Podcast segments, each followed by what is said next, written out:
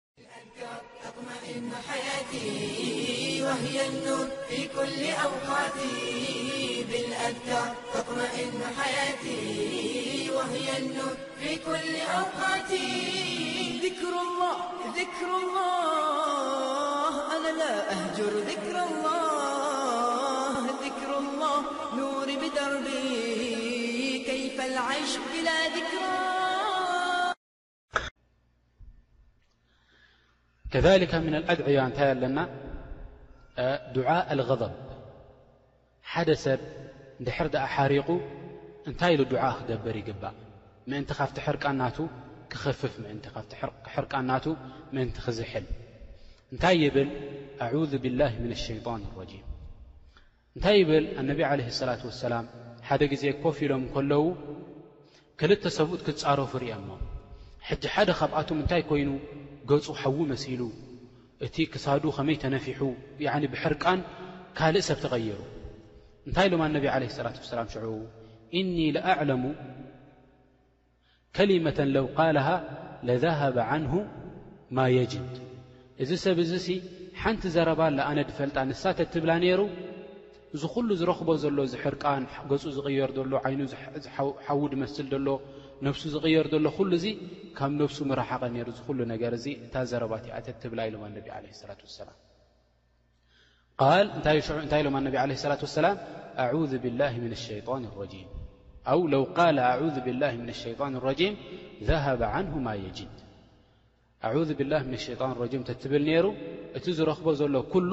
ካብኡ ምሃደመ ነይሩ ካብኡ ምረሓቐ ነይሩ ኢሎም ኣነቢ ዓለይሂ ሰላቱ ወሰላም ይነግሩና ወሊዛሊካ ኣህልልዕልሚ እንታይ ኢሎም ማለት እዮም ደላላ ካብዚ እንታይ ኣውፅኦምልና ካብዚ እንታይ ንርዳእ ኢሎም ሕርቃን እንድሕር ድኣ መፂእዎ ሓደ ሰብ እቲ ሕርቃን ካብ ምንታይ እዩ ድመፅእ ኢሎም ካብ ሸይጣን እዩ ዝመፅእ ማለት እዩ እቲ ሸይጣን ይነፍኸካ ያዕኒ ኡፍ ይብለልካ ምእንቲ ዝያዳ ንኽትውስኽ ምእንቲ ዝያዳ ንኽትሓርቕ ኡፍ ይብለልካ ኡፍ ይብለልካ ዝያዳ እንታይ ትኸውን ማለት እዩ ያኒ ካብ ሓላት ናትካ ትወጽእ ክሳብ ሰብ ትቐትል ትኸውን ማለት እዩ ክሳብ ሰብ ትሃርም ክሳብ ሰብ ትሰብር ኣብ ከምዚ ትበጽሕ ማለት እዩ ሊዛሊካ ኣብ ሕርቃን ንኸይትበጽሕ ምእንቲ እንታይ ክትገብር ኣለካ ያኒ በዚ ጌርካ ክትኽፍፎ ይግብኣካ ኣዑዙ ቢላሂ ሚነ ሸይጣን ረጂም ኢልካ ነቲ ሕርቃን ናትካ ከተ ያኒ ከተዝሕሎ ይግብኣካ ጠብዓን ክልተ ዓይነት ሕርቃን እዩ ዘሎ ቀዳመይቲ ሕርቃን ንነብስኻ ኢልካ ትሓርቆ ነገር ማለት እዩ እዚ ኣይግባኣን እዩ ነብስኻ ክትዝሕል ኣይግባኣካ ኣዑዙ ቢላህ ምነ ሸይጣን ረጂም ክትብል ይግባኣካ ኩሉ እዚታት ምእንቲ የሽ ምእንቲ ሸይጣን ኣብ ልዕሌኻ ከይስቀል ምእንቲ እዩ እታ ካልኣይቲ ሕርቃን ላኪን ሕርቃን ንረቢ ስብሓንሁ ወተዓላ ኣልካ ድሕር ድኣ ሓደ ሰብ ንዲን ንሃይማኖት ናትካ ከስተናእስ እንድሕር ሪኢኻዮ ንዲንካ ከስተናእስ እንድሕር ሪኢኻዮ ወይ ብዝኾነ ናይ ዲን ዝኾነ ነገር ከስተናእስ እንድሕር ደኣ ርኢኻዮ እንታይ ክትገብር ይግበኣካ ሊላህ ኢልካ ክትሓርቕ ይግበኣልካ ይግበኣካ እዚ ሕርቃን እዚ ኸኣ እንታይ እዩ ማለት እዩ እዚ ሕርቃን እዚ ኸኣ ረቢ ስብሓንሁ ወተዓላ ድፈትዎ ሕርቃን እዩ ማለት እዩ ጠይብ ከሊካ መለል ኣድዕያ እንታይ ኣለና ሓደ ሰብ እንድሕር ደኣ ሙብተላ ርእዩ ሓደ ሰብ እንድሕር ደኣ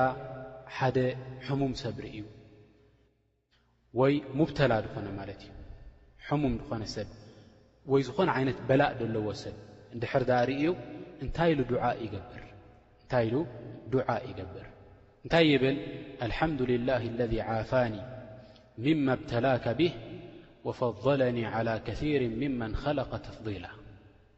ኣላሁ ኣክበር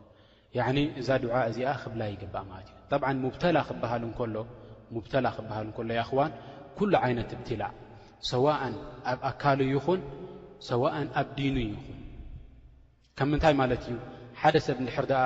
ያኒ ዓይኑ ደዓወረ ሰብ እንድሕር ደኣ ርኢኻ ጸማም እንድሕር ደኣ ርኢኻ ሓደ ሰብ ሓንካስ እንድሕር ደኣ ርኢኻ ኢዱ ተሰበረ ሰብ እንድሕር ደኣ ርኢኻ እዚ ናይ ኣዱንያ ወይ ድማ ኣብ ጀሰድ ድረኣይ ነገር ማለት እዩ ወይ ትጃራ ኸሲሩ ወይ ማኪና ተናጒጹ ወይ ከምዚታት እንድሕር ደኣ ርኢኻ ኩሉ እዚ ከምዚ ዓይነት ዱዓ እንድሕር ደኣ ኢልካ ኣነቢ ዓለ ስላ ሰላም እንታይ ኢሎምና እዚ ሰብ እዚ እዛ ዱዓ እዚኣ እንድሕር ደኣ ኢልዋ ረቢ ስብሓንሁ ወትዓላ በታ በላእ እቲኣ ኣየብተልዮን እዩ እዚ ሰብ እዚ ኢሎምና ማለት እዩ በታ በላእቲኣ ኣየብተልዮን ኢሎምና ኣነቢ ዓለ ሰላት ወሰላም እታ ኻልኣይቲ ኸዓ ሓደ ሰብ ኣብ ዲን ናቱ ጉድለት ደለዎ እንድሕር ዳ ርኢኻ ሓደ ሰብ ሽጋራ ክሰቲ ርኢኻዮ ሓደ ሰብ መስተ ክሰቲ ርኢኻዮ ዕያዝን ብላ ሓደ ሰብ ዝኾነ መሓረማት ክገብር ርኢኻዮ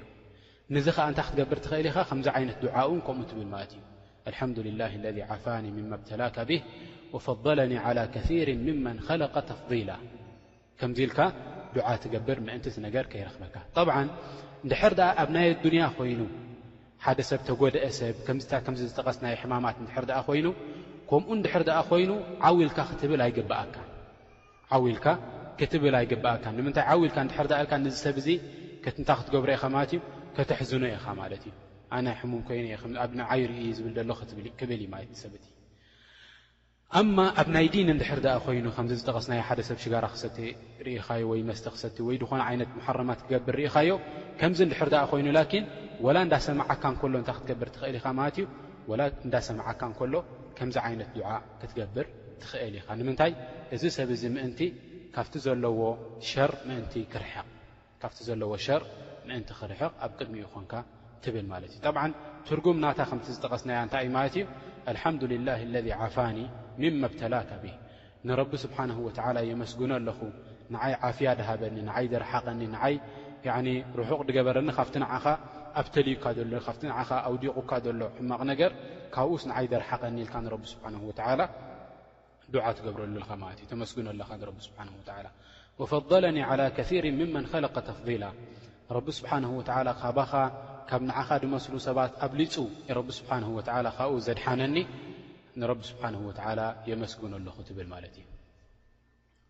ጠይብ ከዛሊካ ምን ኣልኣድዕያ እንታይ ኣለና ማ ዩቃሉ ፊ ልመጅልስ ሓደ ሰብ እንድሕር ደኣ ኣብ ሓደ መጅልስ እንድሕር ደኣ ኮፍ ኢሉ ኣብ ሓደ ቦታ እንድሕር ደኣ ኮፍ ኢሉ እንታይ ክብል ይግባእ ስቕ ኢልካ ኮፍ ምባል ስብሓን ላህ ይኣኽዋን ሓንሳብ ሓንሳብ ኮፍ ንብል ኣብ ሓደ ቦታ ንኸይድ ሰዋእን ናብ ባንኪ ይኹን ሰዋእን ናብ ዝኾነ ደዋኢር ሕኩምያ ናይ ቤተ መንግስቲ ገለ ንኸይድ ኮፍ ኢልና ኣፍና ዓቢስና